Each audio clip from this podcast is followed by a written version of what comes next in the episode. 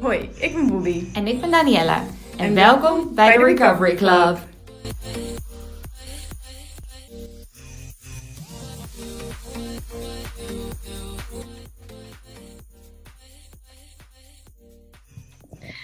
Hallo allemaal, welkom bij een nieuwe aflevering. Nou, dit was echt de, de meest lang verwachte aflevering ooit, denk ik. Want wij hebben allebei een gigantische lange, voor ons gevoel, summer break gehad. Die denk ik ook wel echt nodig was. Ehm, dus ja, Bobby, hoe, ehm, hoe heb jij je zomer beleefd? Ja, het was echt heel fijn. Ik had er zoveel zin in ook. En ehm, ja, ik het gewoon lekker rustig aangedaan. Het weer was natuurlijk echt top. Ik ben twee weken naar Italië geweest. Dat was echt super fijn. Ehm, we zaten echt aan een meer, dus dat was gewoon prachtig. En eh, met bergen om ons heen en lekker eten en lekker drinken. En ja, het was gewoon fantastisch. Oh. Ehm, dus het was echt zo'n ontspannen vakantie. En toen ik terugkwam, ja, ik gewoon ook lekker rustig aangedaan. Ik hoefde niet heel veel te werken, dus dan kon ik gewoon gedurende de week eigenlijk dit, dit met vrienden afspreken of iets voor mezelf doen. En genieten van het prachtige weer. Dus eh, ja, dat was echt super fijn. Oh, wat lekker. Dus je hebt twee weken lang, want ik zag niks op je social media voorbij komen van Italië, tenminste, of ik heb iets gemist. Nee, Ehm. ik, heb, niet- ik heb volgens mij niks op mijn social media geplaatst. Ik heb op mijn privé Instagram heb ik uiteindelijk nog wel aan het einde van die twee weken. Een, dacht ik, oh, ik ga een hele fotodump doen. Maar toen had ik uiteindelijk ook maar zeven foto's of zo om te plaatsen. Dus Heerlijk. Ja. ik heb Ja. social media geabandoned in die twee weken. En dat was echt best wel lekker. Ja. ja, want voor degenen die het niet weten, kijk, Bobby en ik zijn inmiddels gewoon vriendinnen geworden door deze hele podcast, door ons, eh, nou ja, door alles eigenlijk, door social media. Alleen we, we stalken elkaar niet op social media in die zin. En ik ben denk ik wat meer, ehm, ik zit wat frequenter op de social media, logisch ook, want het is mijn werk, dus ik moet wel. Maar ik zeg altijd, als ik het niet nodig had gehad, mm, ik weet niet of ik dan, ik, of ik er überhaupt had op gezeten. Ehm, Sterker nog, ik had laatst een, een date. Ja, ja, gaat ze weer. Ehm, ik zou officieel zijn gestopt, maar nou ja, dat was een, een, dat was een uitzondering op de regel, want het was een Nederlander. En ik vind het heel leuk om Nederlands te spreken hier in, in Frankrijk. Eh, van 25, ik vond hem echt een cougar, maar hij zat dus niet op geen enkele social media. Dus niet de iPhone, gewoon geen social, helemaal niks. Je was, hij, kon, hij was nergens te vinden. En ik vond het zo verfrissend, want ja, dat kom je gewoon bijna niet meer tegen. Het is allemaal Instagram, TikTok, eh, nou ja, Facebook is een beetje outdated geloof ik inmiddels, maar Ja. ja. Oké, nou wat fijn, wat lekker. Dus je bent hier, voelt, voelt je, voel je je enigszins uitgerust? Of, of begint Ja. de hele ellende, bende van de ellende weer met school, studie, de hele mikmak? Nou, dat begint over twee weken. En op zich had ik het wel de afgelopen weken best wel druk. Want we hebben natuurlijk intro-weken nu op de universiteit en op de hogeschool. Eh, volgens mij doet het MBO daar nog steeds niet aan mee. Ehm, ja, een klein probleempje vind ik.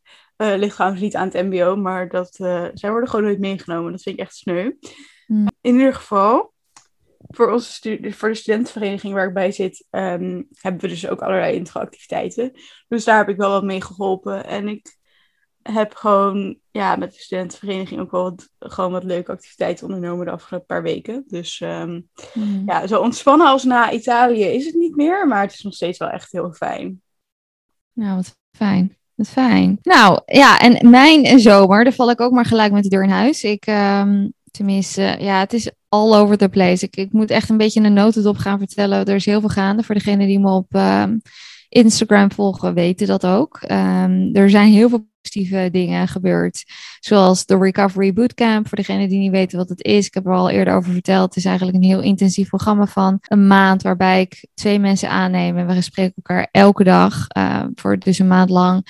En ik hou eigenlijk je handje vast. Met de, ja, de focus is om eh, zonder restricties te gaan eten, en niet wegen. Al, al eigenlijk alle dingen waar Bobby en ik allebei achter staan. Met de visie, visie van Tabitha Farrar. En nou ja, ik ben dat dus vrij recent begonnen in juli. Nou, de eerste maand in juli is dus heel succesvol afgerond. En die meiden staan nu. eh één cliënt was uit Duitsland, eentje uit Nederland. En ik ben, nou, ik ben super trots op hoe ze het hebben gedaan, allebei. En ehm, hoe het is gegaan. En ja, het is bizar, maar 2022 is dus al helemaal volgeboekt voor dit jaar dus. Het is, het is echt, ik heb nog steeds gewoon kippenvel als ik het, als ik het erover heb, omdat ja, het was gewoon een idee en ik dacht, weet je, ik wil dit gewoon heel graag doen. Ik wil dit al heel lang doen. Ik heb er nu eindelijk wat meer ruimte en tijd voor. En uh, ja, het is dus gewoon volgeboekt. Dus ja, mocht je, ja, bizar hè. Ik vind het nog steeds echt te gek voor woorden, maar goed. Um, dus mocht je zoiets, zoiets hebben van, oké, ik wil in, het nieuwe jaar zoiets doen. Um, nou ja, don't hesitate om een, uh, een, gratis intake in te plannen, want het is, het is gratis. Ik blijf mijn intakes ook, want heel veel mensen zeggen je moet er geld voor vragen voor welke intake dan ook. Zal ik never nooit doen. Dat voelt gewoon niet goed voor mij. Dus mijn intakes blijven gratis. Ik heb laatst ook anderhalf uur met een Amerikaanse cliënt aan de lijn gezeten. En zij heeft uiteindelijk besloten vanwege tijdsverschil om het niet te doen. En dan kan je denken, is dat anderhalve tijd van mijn leven wat ik nooit meer terugkrijg, wat verspeeld is? Zo sta ik er niet in. Ik denk persoonlijk, we hebben een, een band opgebouwd en ja, ik, ik, ik zie het gewoon niet zo. Ik zie het gewoon niet zo. Maar goed, anyway, dus dat is heel positief. Um, ik heb inmiddels natuurlijk ook mijn eigen Engelstalige podcast. Ik heb nu ook een, een Nederlands en Engelstalige nieuwsbrief die er elke uh, om de week uitgaat. Dus dat kan je ook nog, kan je ook nog voor inschrijven. Dus qua werkgebied gaat het eigenlijk allemaal super goed. Qua gezondheid. Oh ja, ik ben ook nog jaren geweest. Um, ja. Ik ben ja, 32 geworden. En het erge was dat na de bootcamp was ik dus um, van plan om een week lang. Nou ja, ik had dus een week vakantie en ik neem nooit vakantie. En mijn plan was dus in die week van allerlei dingen te doen, want daar heb ik nooit tijd voor. Om eindelijk een keer de Franse Riviera echt te gaan hè, bekijken. Om naar Saint-Jacques-Cap te gaan, om naar al die mooie plekken te gaan. Misschien een dagje naar Italië of twee dagen. Misschien ergens een Airbnb huren, verzin het maar. En verdomd, wat gebeurt er echt op de laatste dag van de bootcamp? En dat was, had niks met de bootcamp te maken, want dit is letterlijk mijn gezondheid in de afgelopen, nou pak een beet, vier maanden. Eigenlijk al vanaf 2022, maar het wordt steeds erger. Ik heb letterlijk mijn hele vakantie alleen maar in bed gelegen van de meest afschuwelijke oogpijn. Uh, wat de ziekte van Lyme te maken heeft. En het was echt echt, echt ondraaglijk. Dat ik echt dacht, oh my god, ik ben blij dat ik deze week vrij heb. Want ik, nou ja, ik, had, ik, had, ik zeg nooit af, maar ik had deze week echt moeten afzeggen. Dus het, qua timing was het ergens wel weer positief. Maar anderzijds was het natuurlijk heel zonde. Want ik heb gewoon letterlijk op mijn eigen verjaardag... Ik heb nog wel even een kleine lunch gehad met mijn moeder. Terwijl ik vol aan de oxyconazol zat. En dan ook nog eens een keer aan de wijn. Wat, wat je natuurlijk helemaal niet samen mag nemen. Maar ja, ik dacht, het is mijn verjaardag. En um, oh my god, het was een drama. Het was echt een drama. En toen heb ik dus ook voor mezelf de knoop doorgehakt om um, ja, toch wat eerder terug naar Nederland te gaan. Uh, en eigenlijk per nou ja, uh, oktober uh, mijn, mijn nieuwe behandeling, mijn ozontherapie, of ik er daarnaast ook nog antibiotica bij ga nemen, dat, dat is nog allemaal een beetje vaag. Maar ja, ik moet gewoon wel wat verlichting krijgen momenteel, want het is echt ja, ik blijf werken en ik blijf uh, dingen doen waar ik ook uh, heel veel vreugde uit haal, zoals vrienden zien. Maar als je niet eens kan praten van de pijn, ja, wat is je leven dan nog waard, toch? Ja, ja het is wel echt heel heftig. Ja, dus het is, het is heel intens geweest. Het is echt een rollercoaster van emoties geweest. Ik heb heel veel fantastische momenten gehad. Ik heb ook mijn verjaardag uiteindelijk wel gevierd met een groep vriendinnen. Dat was echt een van de avonden waar ik op terugblik, was een van de beste avonden die ik in een hele lange tijd heb gehad. Uh, waarbij iedereen ook zei, je haal je. Toen zei ik ook van ja, maar dit is een van de weinige dagen dat ik dus geen pijn heb. En dan ben ik dus op, hè, ben ik zo. Dan voel ik me ook gewoon fantastisch. Maar dat, die, die dagen zijn echt niet eens op één hand te tellen. Die zijn niet eens op twee handen te tellen. Die zijn er gewoon bijna niet meer. Dus het is alleen maar pijnbestrijding, medicatie. Ja, en dat is gewoon wat ik al zei. Dat, dat, zo wil ik niet leven. Dus ondanks dat ik de bootcamp blijf doen, uh, ga ik er ook dus nou ja, behandelingen naast doen. Dus dat is even een, uh, ja, het was een beetje een domper. En ja, um, ja voor de rest eigenlijk uh, niet zo veel spannends. Het is meer werken, toch wel, veel veel gewerkt. Ja, het is wel veel gewerkt nog. En ik heb nog af en toe op mijn eigen podcast ook ge, ge, gehint dat ik, uh, nou ja, trouwens, de buurman is helemaal aan buitenbeeld. Dat is helemaal, ik heb, ik heb hem trouwens helemaal niet meer gezien ook. Kom zijn broer oh, alleen oh. constant tegen. Maar, ehm, maar ik, had een ik was op een gegeven moment de Tinder-swindler aan het daten. Nou, dat is een verhaal op zich. Daar hebben we een, een aparte podcast voor nodig. Uh, ja, nee, die, uh, die Tinder-swindler, dat, uh, dat was een heel grappig verhaal. Het, om het heel, een heel lang verhaal kort te maken voor degene die het leuk vinden om een dateverhaal te horen. Hij heeft letterlijk een villa met mij bezocht en gedaan alsof ik zijn vriendin was. En um, die villa was echt fucking mooi. Het was echt niet normaal. Zwembad natuurlijk, vijf slaapkamers. Hij zei, oh, je kan al je vrienden meenemen. Bladibladibla. En hij heeft me een partijtje geswindeld op het eind. Dat wil je niet weten. Hij heeft ook nog eens een keer me keihard gebodyshamed. Um, uh, ja, het is echt heel nasty ergens geëindigd. En rara waar deze man nu woont. Hij woont, hij zou dus deze villa in Antibes gaan huren in september. Waar woont hij nu? Hij woont letterlijk om de hoek bij mij in Amsterdam. Nee. Ja, ja. Dus ja, dan ga je weer. Er wordt, er wordt een nieuwe neighbor. Dat, dit, to be continued. We gaan hem nog steeds de Tinder swindler noemen, maar het wordt straks mijn neighbor. Um, of all places. Oh waarom Amsterdam? Waarom om de hoek van mij? Hij weet waar ik woon daar, ongeveer qua plek. Hij weet welke gracht ik woon. Waarom daar? Even rustig. Doe even normaal. Dat is toch niet oké? Okay? What are the chances ook? Ja, precies. precies. Huh? Ja, ja, ik, Hoe ik, hij ook van, ik ga een villa kopen in, of huren in Antibes naar, oh nee, wacht, ik ga in het centrum van Amsterdam wonen. Ja, ja, ja. Nee, hij, hij en weet je, hij wil helemaal prima. Hij is bipolair en dat, daar kwam hij later pas ook, uh, hij is daar pas op latere leeftijd achter. We hebben het over een vent van 38, hè. Het is geen jongetje van uh, 24. En hij had echt wel zijn mentale shit to work on. En dat is prima, dat vind ik helemaal niet erg, want dat heeft iedereen. Maar ik kreeg letterlijk een appje van hem. Hij had al alles getekend voor die villa. Um, hij had zelfs een, een, foto gestuurd van ik heb het, ik heb het getekend, bladibla. Nou, uiteindelijk is hij daar dus onderuit gekomen. En hij heeft me letterlijk een appje gestuurd van... Um, ja, Daan, het was superleuk om je te hebben ontmoet... maar mijn uh, adventure here in, uh, in Antibes is on its end... and I um, I'm now going to move forward with, uh, weet ik veel, ze, ze plekje zoeken. Maar het ding was, we volgen elkaar op Instagram, maar ik had hem gemute, want ik had zoiets van, ik hoef jouw shit allemaal niet te zien. En hij heeft dat andersom bij mij ook gedaan. Maar ik dacht, ik ben toch wel een klein beetje nieuwsgierig.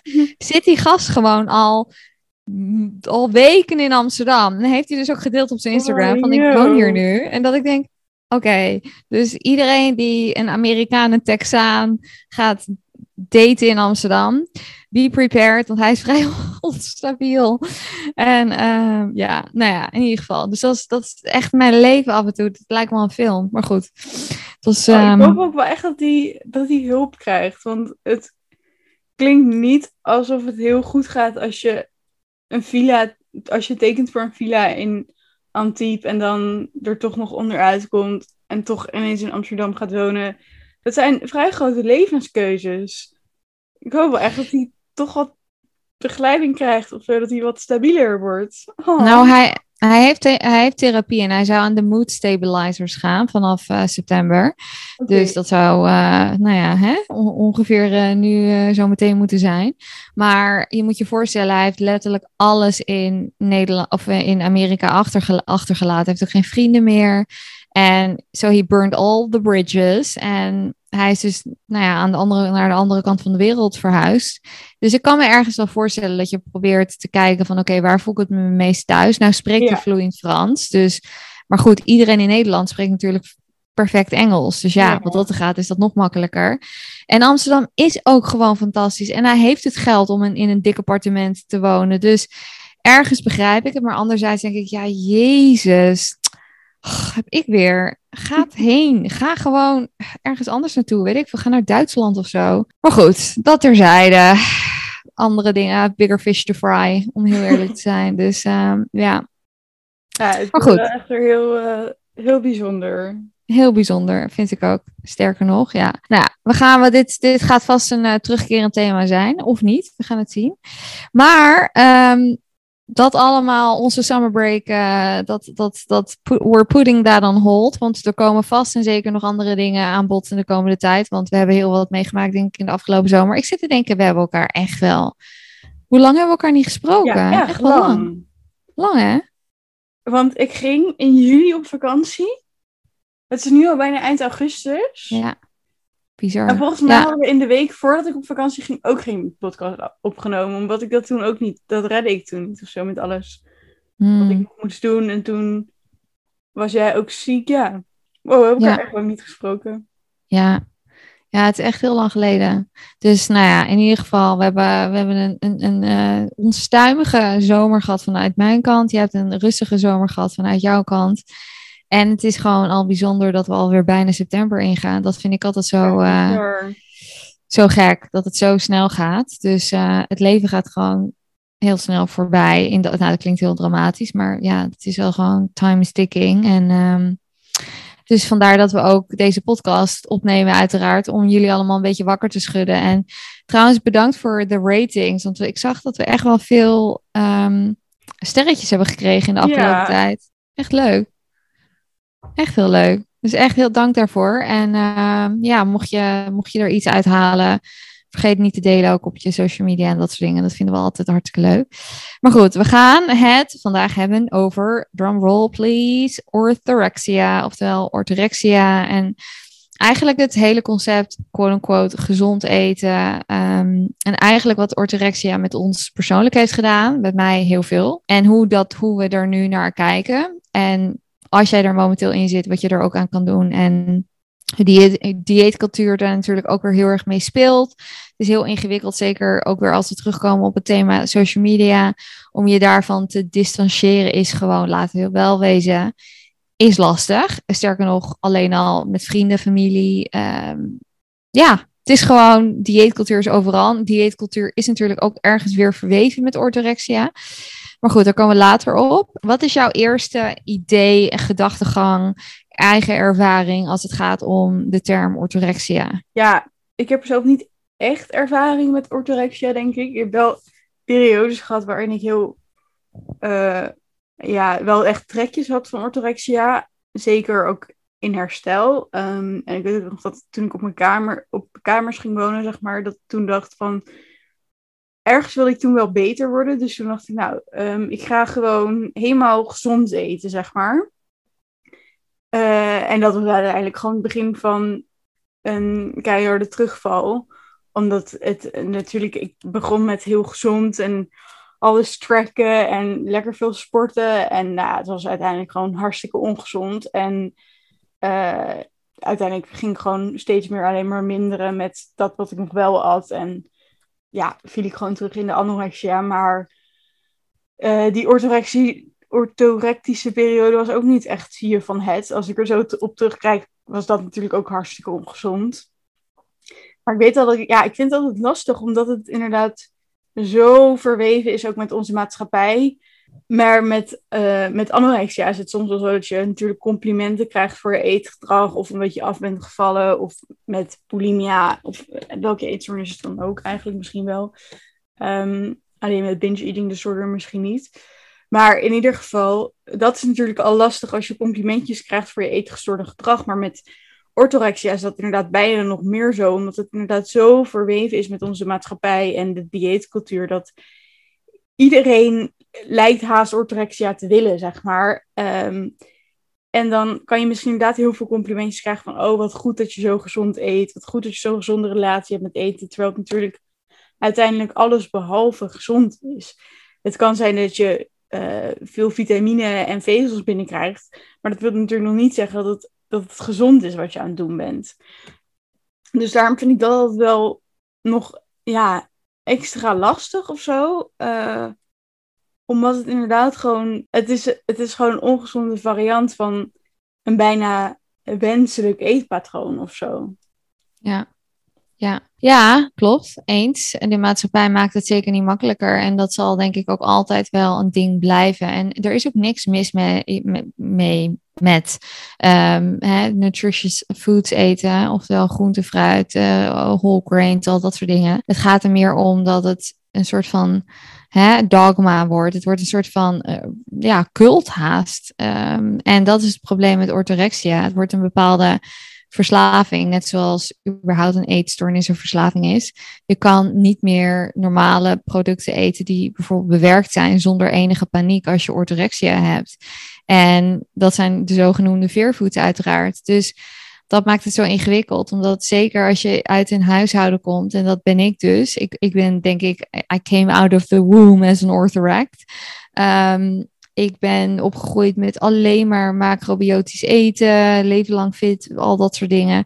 Dus er is echt bij mij ingepeperd van alles wat bewerkt is, daar moet je gewoon vanaf blijven. Alles wat suiker bevat, daar moet je vanaf blijven. Dus daarom wilde ik ook altijd diëtiste worden, omdat ik dacht, oh, dit is echt de devil. En ik had er zo'n geloofsovertuiging over. En ik, ben, ik heb alles gedaan. Ik ben vegan geweest.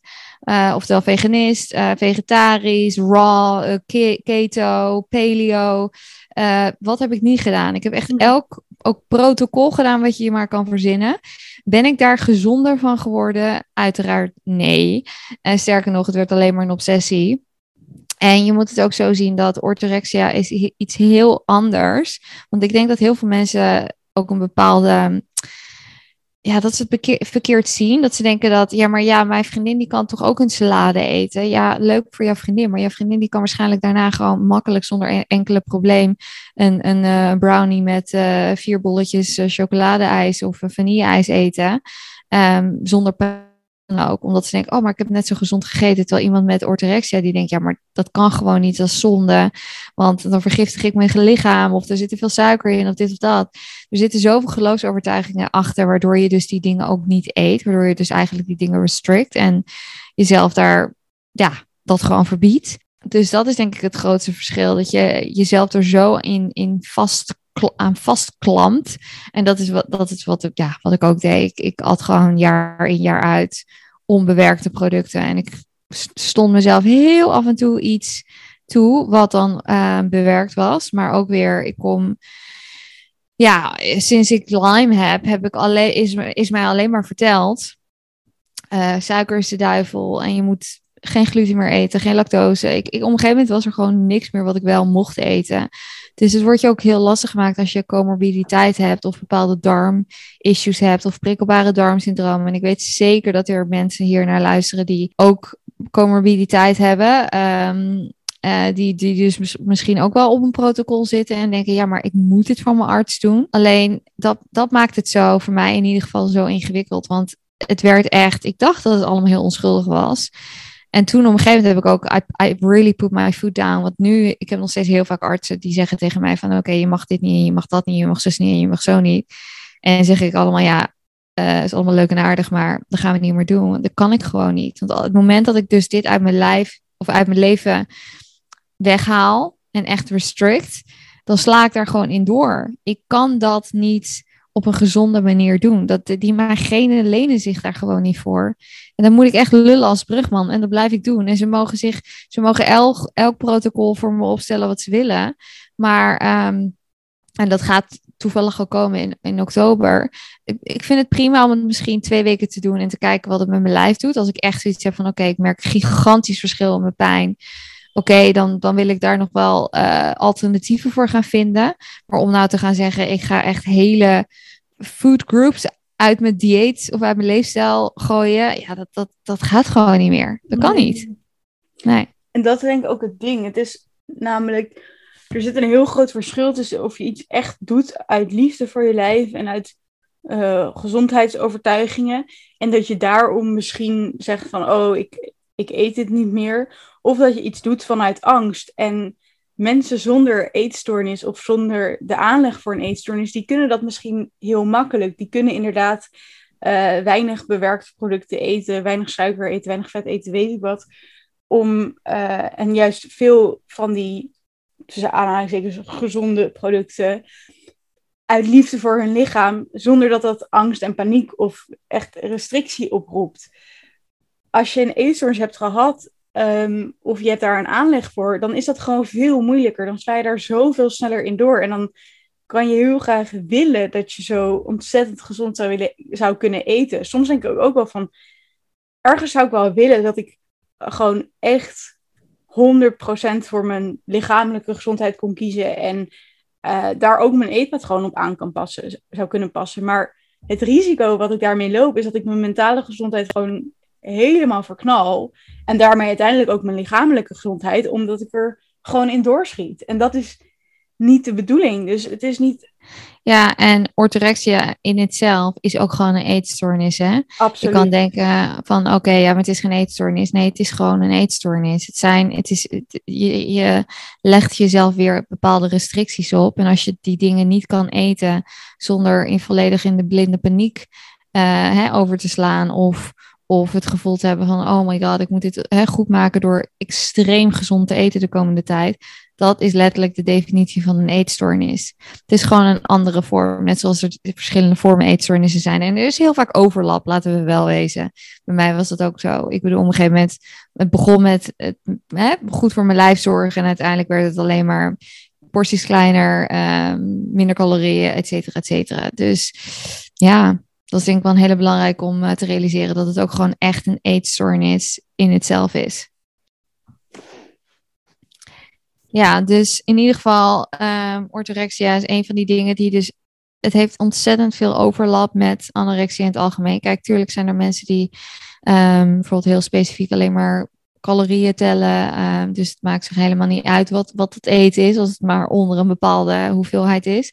Maar ik denk wel de meeste mensen, um, die hebben toch wel een bepaald oordeel over uh, eten en over de, de kwaliteit van eten. En hier ga ik binnenkort op mijn, niet volgende week, maar de week erop heb ik daar ook een, um, een uh, aflevering over op mijn eigen podcast. Over het gevaar waar iedereen bang voor is. Het gevaar van eigenlijk de fear of being unhealthy. Oftewel het gevaar om ongezond te worden en te zijn. Want dat is natuurlijk het hele ding we wel ook eh, heel eerlijk in mijn eigen herstel. Toen ik echt alleen ben gegaan. En dat was de eerste keer in mijn leven. Want daarvoor, om heel eerlijk te zijn, ik heb, ik heb, ja, ik heb bijna tegen volledig herstel aangezeten op mijn, op mijn 21ste. Maar nogmaals, ik studeerde voeding en diëtetiek. Ik zat in, um, in, in, in, in, nou, in lessen waarin er werd de, de, echt de snickers werden gewoon de grond ingetrapt. En het was gewoon heel erg. Ook weer, ja, we werden gewoon, het werd ons gewoon aangeleerd van jongens, uh, focus je vooral op alles wat volkoren is en, en, voedzaam en, en bewerkt voedsel is slecht. En dus ja, als je dat uh, jaar in jaar uit te horen krijgt en je wordt er ook nog eens een keer mee opgevoed en je hebt ook nog eens een keer social media eroverheen, nou ja, dan moet je wel heel sterk in je schoenen staan om daar niet beïnvloed door te worden. Maar wat ik al zei, ik heb, ja, ik heb vaker dus meerdere pogingen gedaan, maar er was altijd een element van sport wat erbij kwam kijken en een element van, ik weet nog wel dat ik bijvoorbeeld wel heel veel meer at, maar het was altijd uh, volkoren brood, zuurdesembrood, um, een bepaald soort beleg, nou, verzin het maar. Al, alles was eigenlijk best wel, nou, de natuurwinkel laten we zeggen, die werd meer bezocht door Albert Heijn. Dus ja, ik zat nog eigenlijk best wel veel in mijn orthorectische fase. Maar niemand maakte daar eigenlijk echt een probleem van. Want nogmaals, klinieken interesseren zich meer in als je maar aankomt. Nou ja, je bent aangekomen, gefeliciteerd, succes ermee. En, uh, en vervolgens ging ik studeren om een diëtist te worden. Dus ja, was nou niet echt de bepaalde perfecte trajectory of my life. Maar goed, um, dus daarna, en toen ik Lyme kreeg, ja, toen werd er alleen maar verteld van oké, je moet dit protocol en dat protocol en geen suiker en dit en dit en dit. Dus ik heb ook weer daarin, in die tijd, ook weer heel, heel, heel, heel, quote-unquote, voedzaam en gezond geleefd. Ik vind het woord gezond niet echt heel fijn om te gebruiken, omdat je dan weer heel erg uh, eten labelt. Maar het was voornamelijk gewoon heel veel groente en fruit en onbewerkte, pro onbewerkte producten. En toen ik echt, echt, echt voor herstel ging um, en zonder restricties begon te eten. En zoals ik al vaker heb gezegd, dat is niet in één keer op dag één begonnen. Dat heeft een aanloop gehad van pak een beetje twee tot drie maanden. Maar toen, toen ben ik echt helemaal losgegaan. En dat heeft echt wel dik een, jaar tot, nou laat zeggen, binnen acht maanden tot anderhalf jaar geduurd voordat ik echt zoiets had van: oké, ik heb nu voldoende aan drie koekjes of aan, weet ik veel, een paar bolletjes ijs. En ik hoef niet hele taarten weg te werken en rollenkoek en dit en dat en zo en zo. En dat is natuurlijk ook de hele angst als je uit zo'n orthorectische fase komt en je slaat in één keer die kant op. hè, van de angst van, oh mijn god, ik ben mijn lijf aan het vergiftigen en ik word super ongezond. Wat ongezond is, is het hebben van een eetstoornis. Of dat nou anorexia is, orthorexia, welke eetstoornis dan ook. Een eetstoornis ze hebben, is mentaal en fysiek extreem ongezond. Loslaten is eng in sommige gevallen, of in de meeste gevallen. Zeker laat het woord spannend noemen. Want uiteindelijk is het vaak niet zo eng als dat je denkt dat het is. Want je eetstoornis maakt het vaak enger dan dat het daadwerkelijk is. Maar het is zo nodig om Hè, wat ik al vaker zeg, let the pendulum swing the other direction for as long as it's needed. Want je lijf zal vragen, zeker als je zo lang op zo'n restrictief dieet hebt geleefd, zal vragen om de koek en de chocola en de taart en alles wat suiker en, en zout, omdat je jezelf dat zo lang tekort hebt gedaan. Dus ik wil even dat iedereen dat weet, dat het logisch is en normaal is om dat voor een langere tijd extreem veel uh, om daar extreem veel naar te snakken en daar ook naar te luisteren. En ja, dat het uiteindelijk zich allemaal uitbalanceert. En er zijn nog steeds periodes dat ik zakken chips weg eet. En zeker op mijn menstruatie, als ik hormonaal ben, nou hou maar op. Dan zijn de cravings echt gaan door het dak. Um, dat is nog steeds het geval. En er zijn nog steeds periodes dat ik veel, heel veel fastfood eet of heel veel bewerkt voedsel. Maar eten is eten gewoon voor mij nu. Weet je, het een, is niet beter dan het ander. Daar komt het eigenlijk op neer. Ja, en ik heb ook wel gemerkt, ik had inderdaad ook wel die angst van, oh, uh, dan word ik echt super ongezond als ik nu ga herstellen en zo. Maar uiteindelijk voelde ik me gewoon tijdens de eerste periode van herstel al, waarin ik dus alleen maar, of bijna alleen maar ongezonde producten had, voelde ik me al zoveel vitaler en beter, energieker dan dat ik me in de afgelopen jaren daarvoor had, had gevoeld. Um, en tuurlijk heb je uiteindelijk op een gegeven moment een beetje vitamines nodig, maar vaak heb je ook al wel in de jaren van je eetstoornis daarvoor genoeg vitamines gegeten voor zeg maar de aankomende vijf jaar. Um, en tuurlijk uh, heeft niet iedereen dat ze per se uh, ja, groente en fruit willen eten gedurende een eetstoornis. Ik heb zelf ook periodes gehad waarin ik eigenlijk vrijwel alleen maar bezig was met het tellen van calorieën. En dat ik dan dus soms liever een snoepje at dan een appel.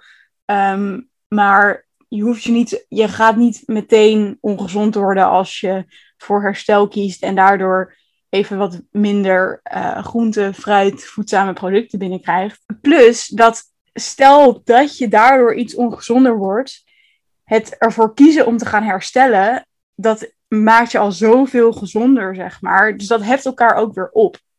Mm Klopt. Nee, dat klopt inderdaad. En um, die, die, weet je, het is ook zo belangrijk om, en dit is iets wat heel veel mensen vergeten. Kijk, als jij in, zeker als je in herstel bent, jouw lijf heeft gewoon snelle suikers nodig. Jouw glycogeenvoorraad is over het algemeen helemaal leeg. Depleted, helemaal niks. Vandaar dat je je misschien slapjes voelt. Vandaar, weet je, je muscle mass, die heeft gewoon heel veel...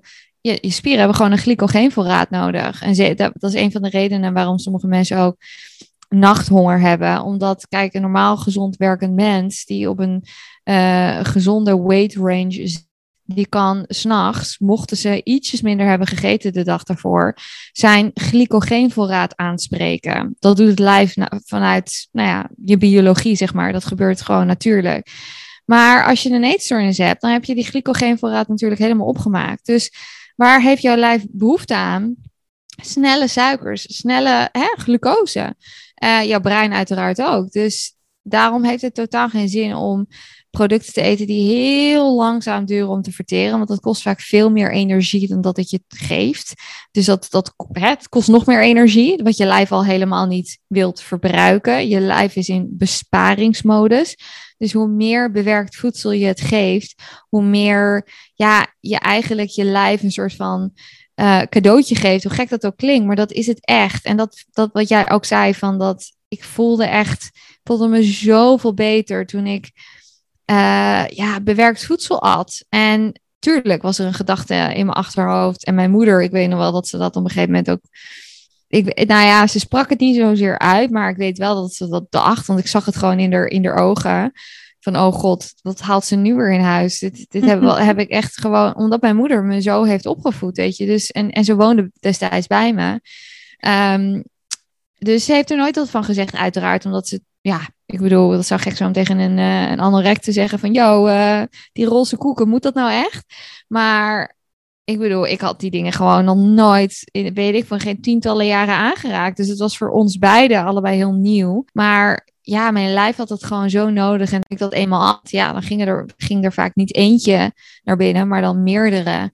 En ik zie dat nog steeds niet echt als eetbuien of vies. Je kan het zien als een, als een vies. Dat is ook weer zo subjectief.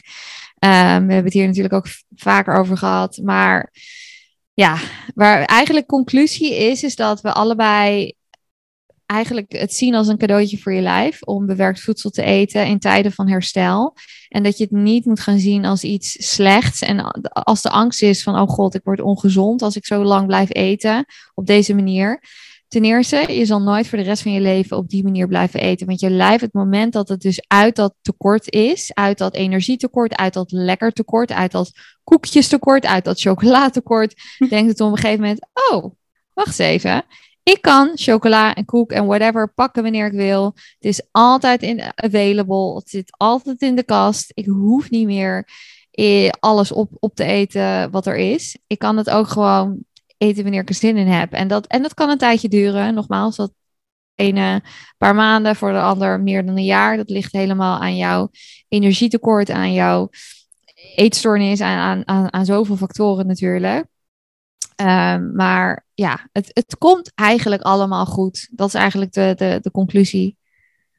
Ja, en je hebt ongezond eten ook gewoon nodig. Uh, in herstel, waarschijnlijk voor de rest van je leven wel, om gewoon te zorgen dat, het, dat je vrij kan blijven omgaan met eten. Dus als je inderdaad uh, het idee dat je alleen maar gezond moet eten, of als je angsten krijgt bij ongezond eten, of als je niet gezond kan eten. Uh, ten eerste reframe ook wat het betekent om gezond te eten. Sta daar ook bewerkt voedsel in toe. En ten tweede, ga het ook gewoon eten. Het bewerkte voedsel, wat minder voedzame eten. Uiteindelijk is het zo belangrijk dat je gewoon zonder angst alle producten kunt eten, dan dat je uh, ja, de hele dag door het meest, de meest voedzame optie kiest die er maar is. Mm Klopt, klopt. En daarbij laten we ook heel eerlijk wezen: het leven bestaat uit um, sociale gelegenheden over het algemeen. Als je tenminste niet in een, uh, hè, binnen vier muren leeft. Als het goed is, familie, vrienden, tenminste mag ik hopen. Uh, in sommige gevallen, sommige mensen zijn gewoon wat meer op zichzelf. En ik ben er trouwens één van. Maar ik heb wel gewoon mijn vrienden en mijn moeder. En als jij ergens bent en iemand zegt, joh, zullen we, weet ik veel, uh, patatjes bestellen of uh, tapas of iets, iets wat gefrituurd is. Ik had dat laatste bijvoorbeeld. Ik was bij meerdere tapas tenten geweest en dat was allemaal, ja, gewoon breaded, gefrituurd, allemaal dat soort dingen. En ik weet nog wel dat ik, ik zat er heel erg van te genieten. Nou waren de tappels niet echt de allerbeste tappels die ik ooit had gegeten. Maar dat maakt allemaal niet uit. Want nogmaals, eten is eten. Maar ik weet wel dat ik dat tijdens mijn herstel... Oh my god, dat was echt zo'n ding geweest. Um, maar als je dus enigszins een normaal leven wilt hebben met je partner eventueel, of met een eventuele partner, of met vrienden, familie, verzin het maar, met wie dan ook. Desnoods met je, met je hondje of met je kat of met wie dan. Dat je denkt, joh, ik wil ergens gezellig in een cafeetje zitten en een taartje eten. Dat taartje over het algemeen is vaak, zit er suiker in en zitten er dingen in waar je eetstoornis misschien niet zo blij van wordt. Maar dat is wel het leven. Ja, het is uiteindelijk gaat het leven inderdaad om zoveel meer dan, dan optimale gezondheid. Het gaat ook gewoon om geluk en vriendschap en liefde. En daar hoort ook eten bij. En over het algemeen word je, is het leuker om met vrienden gewoon inderdaad even wat lekkers te gaan eten dan om met vrienden worteltjes te gaan, gaan knabbelen, zeg maar. Ja. Ja. Precies, ik heb, ik heb de laatste tijd echt zoveel verjaardagstaarten gegeten, omdat echt iedereen op de een of andere manier, manier is een leeuw. dus iedereen is jarig op het moment. Ik, ik ben daar dus één van. En een vriendin van mij, die, zij is private chef en zij had een, nou, haar taarten zijn echt niet normaal zo lekker. Dus ze had een chocoladetaart voor ons gebakken en nog een paar oh, taarten voor andere vriendinnen en zo. Nou, dus ik heb letterlijk gewoon bijna, ik denk een week achter elkaar, elke dag taart gegeten. Nou ja, überhaupt, ik ben echt een, uh, een taartfanaat. Dus ik je kan mij nooit genoeg taart geven. maar inderdaad, ja, je viert een verjaardag. Je gaat dan niet zeggen, sorry, uh, nee, want dat past niet binnen mijn dieet. Ja, dat zo, zo, trouwens, zo, zo was ik wel. Um, of dat mag ik niet, want ik zit aan een protocol. En heel vaak was het gewoon een excuus vanuit mijn eetstoornis. En voor mijn eetstoornis, dat hem natuurlijk heel fijn om te zeggen, ik mag geen suiker meer. En er is een kans dus, dus ik ben heel benieuwd. Uh, want ik heb dus een afspraak met een, um, een Lyme-arts sowieso misschien aankomende week of dus officieel in oktober. Want ik ben, ben nog niet helemaal erover uit wat ik ga doen qua behandeling. Sowieso wel ozon. Daar hoef ik geen speciaal dieet voor te volgen. Maar er is een kans dat hij zou zeggen van oké, probeer je gluteninname of je suikerinname echt te beperken. En ik vind dat, ja, ik weet niet. Ik vind dat nog steeds lastig, dat soort dingen. Um, ook omdat ik zo'n best wel normaal gesproken, als ik niet heel veel pijn heb, ik heb een best wel sociaal leven. En mijn vrienden en ik, wij we eten altijd samen, we drinken samen, we eten samen, we doen eigenlijk best wel veel samen.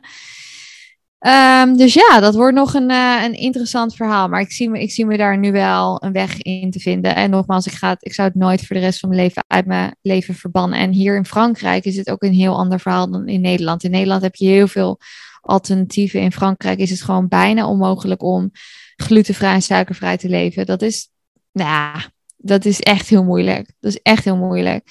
Dus ja, um, als, als mochten er mensen luisteren die bijvoorbeeld um, celiakie hebben uh, of celiac disease of wat dan ook, weet je, er zijn zoveel alternatieven. Je hoeft niet gelijk hele dingen uit je leven te verbannen. Je kan ook naar alternatieven kijken.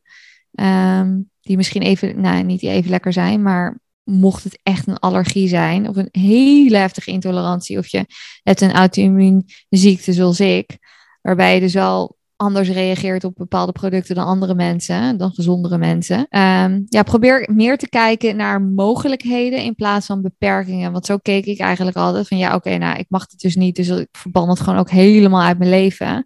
Terwijl dat is natuurlijk onzin. Ik had ook gewoon kunnen denken, weet je wat, ik ga wel gewoon aan die taart meedoen. Alleen, um, ik vraag bijvoorbeeld aan mijn vriendin: zou jij een taartje kunnen maken voor mij met, weet ik veel, dit of dat of zo? Weet je, er zijn mogelijkheden. Ja. Ja, en wat daarin ook kan helpen, misschien is om uh, contact te zoeken met een diëtist die daarin gespecialiseerd is. En om die dan ook op de hoogte te stellen van het feit dat je uh, herstellende bent van een eetstoornis. En dan dus met die diëtist te kijken naar wat je wel kan eten. Zodat je het niet helemaal zelf hoeft uit te zoeken, maar dat je gewoon ja, alternatieven aangeboden krijgt. Inderdaad, bijvoorbeeld glutenvrij brood. Um, nou, wat is daar dan lekker in? En inderdaad, wat kan je wel eten? Mm ja.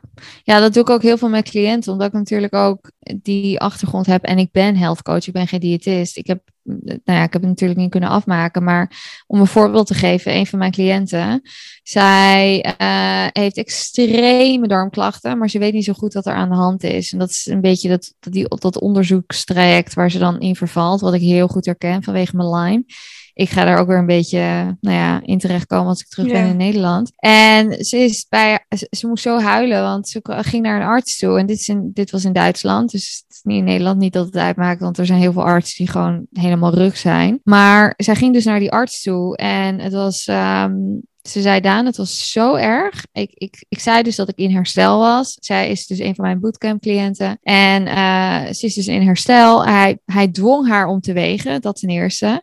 Ze zei, okay. nee, ik wil niet wegen. En ik heb dat ook afgesproken. Toen zei hij, nee, je moet wegen. En ik wil ook dat je het ziet. Nou, hij was heel dom, domineering, zeg maar. En zij, heeft, zij is daar nogal gevoelig voor, dus heeft het toch maar gedaan. Dus dat vond ze wel helemaal niet fijn. En toen uiteindelijk was, hij heeft haar niet eens onderzocht. Hij zei letterlijk tegen haar, je moet um, minder gaan eten en meer gaan bewegen. Dat is de reden waarom je zoveel last hebt van je buik. En oh mijn god, god, dit is een meisje die zo'n verleden heeft met een eetstoornis, dat wil je niet weten. Dat is een echt een heel lang, lang verleden, ook met orthorexie en al dat soort dingen. Dus gelukkig spraken we elkaar meteen daarna. Maar toen dacht ik echt, holy crap, dit zal vast en zeker zo vaak gebeuren. Ja. Dat is toch verschrikkelijk? Ja, dat is echt niet oké okay gewoon. Ja, ja. Ja, en helaas zijn niet de uitzonderingen op de regel. Want ik, nee. ik, heb het zelf ook heel vaak meegemaakt. Dat ik zei van, ik wil niet wegen. Of ik wil blind wegen. Of ik, ik, ik kan geen dieet volgen, want X, Y of Z. En ze, ze walsen er gewoon volledig overheen. Alsof het helemaal drie keer niks is. Um, maar goed, in ieder geval, het is allemaal goed gekomen. Ze zegt ook, ga niet naar die arts luisteren, want hij heeft duidelijk niet echt... Er, hij, heeft, hij heeft er ook helemaal niet onderzocht of wat dan ook. Nee. Dus, dus, maar er is wel een kans dat zij waarschijnlijk ook bepaalde dingen uit haar leven moet gaan schrappen. Misschien op lange termijn om even te kijken of het, of het nou ja, minder klachten tot, ehm, tot gevolg heeft. Want als je echt zo verschrikkelijk veel pijn hebt, ook in mijn geval, ja, dan wil je natuurlijk wel iets van verlichting. Dus inderdaad, wat Bobby ook zegt, ga kijk naar een diëtiste of naar een specialist. Ehm, kijk, ik ben geen diëtiste, dus dat zal ik nooit claimen. Maar ik werk wel met heel veel mensen met comorbiditeit. Als het gaat om gut issues, auto-immuunziekte, noem het maar op. Omdat ik zelf natuurlijk dat ook allemaal heb meegemaakt en ik zit er nog middenin. Um, maar ja, en dit is dit fuels orthorexia ook natuurlijk, hè? Ja, precies. Er wordt zo vaak wordt eten als een soort van medicijn aangeraden of bewegen. Uh, en als je er dan al gevoelig voor bent, dan, dan kan het gewoon zo makkelijk doorslaan. En natuurlijk, in sommige gevallen kan het echt het, bijna het medicijn zijn of helpen. Kijk, ik ga niet claimen dat mensen met celiakie maar gewoon gluten moeten gaan eten. Want in hun geval is het niet eten van gluten inderdaad een soort van het medicijn. Mhm. Maar dat is lang niet in alle gevallen zo. En in heel veel gevallen wordt het wel bijna geclaimd door artsen dat oh, als je gewoon hier maar mee stopt, dan is het allemaal, uh, dan is het allemaal voorbij. En als je dan terugkomt en je zegt het is niet voorbij, dan zegt ze ja, dan heb je het gewoon niet helemaal eruit geschrapt. Dan zul je nog wel af en toe hebben gecheat of wat dan ook. Ja, dat werkt, zo is het gewoon heel vaak niet. Ja, klopt absoluut. Ja. ja, en het is ook zo kort door de bocht. Mijn god zeg. Meer bewegen, minder eten. Hallo, je hebt iemand tegenover je met een eetstoornis. Doe even normaal. Je gaat ook niet tegen, wat ik vaker zeg, tegen een ex-alcoholist zeggen... nou, jouw cure gaat zijn elke dag een glas wijn. Ja, sorry, maar dat gaat hem gewoon niet worden. Dus het is, het is echt... Ja, en er zijn zoveel mensen met darmklachten ook, überhaupt, laten we ook, mocht je dit luisteren en denken, oh ja, maar ik ben, ik ben die persoon met al die darmklachten, weet wel dat darmklachten over het algemeen wel echt horen bij herstel. Kijk, het moet natuurlijk wel leefbaar zijn als jij elke dag dubbel geklapt ligt van de pijn. En, en ik, heb, ik heb ook weer een paar cliënten die gewoon letterlijk zo wat op de toilet leven. Nou, dat is natuurlijk ook niet, hè? dan zijn er andere dingen aan de hand.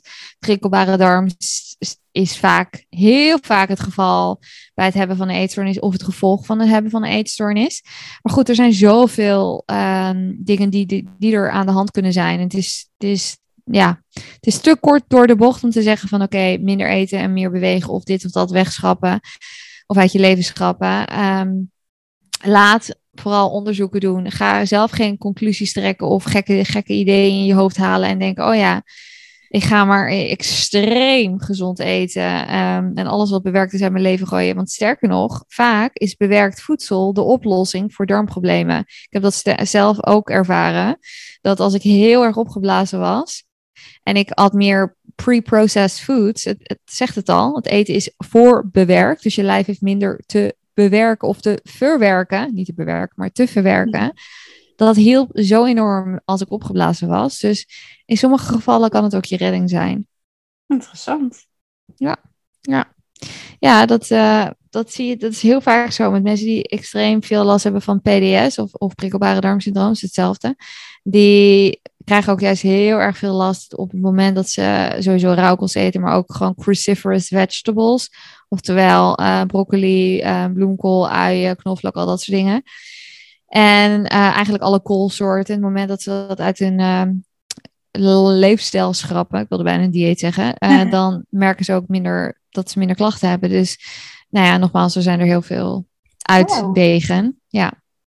Ja. ja, en er zit natuurlijk ook altijd een, een verschil tussen het advies schrap product X uit je leven en ga alleen maar gezond eten. Dus op het moment dat je dat advies krijgt als uh, ex-eetstoornispatiënt of als eetstoornispatiënt, let ook op wat je ermee doet en zorg eigenlijk dat je het onder begeleiding doet. Want ja, gewoon, het is, ja, wat je al zei, orthorexia is ook gewoon een eetstoornis en het is zo makkelijk soms om daarin per ongeluk in terug te vallen. Ja, klopt.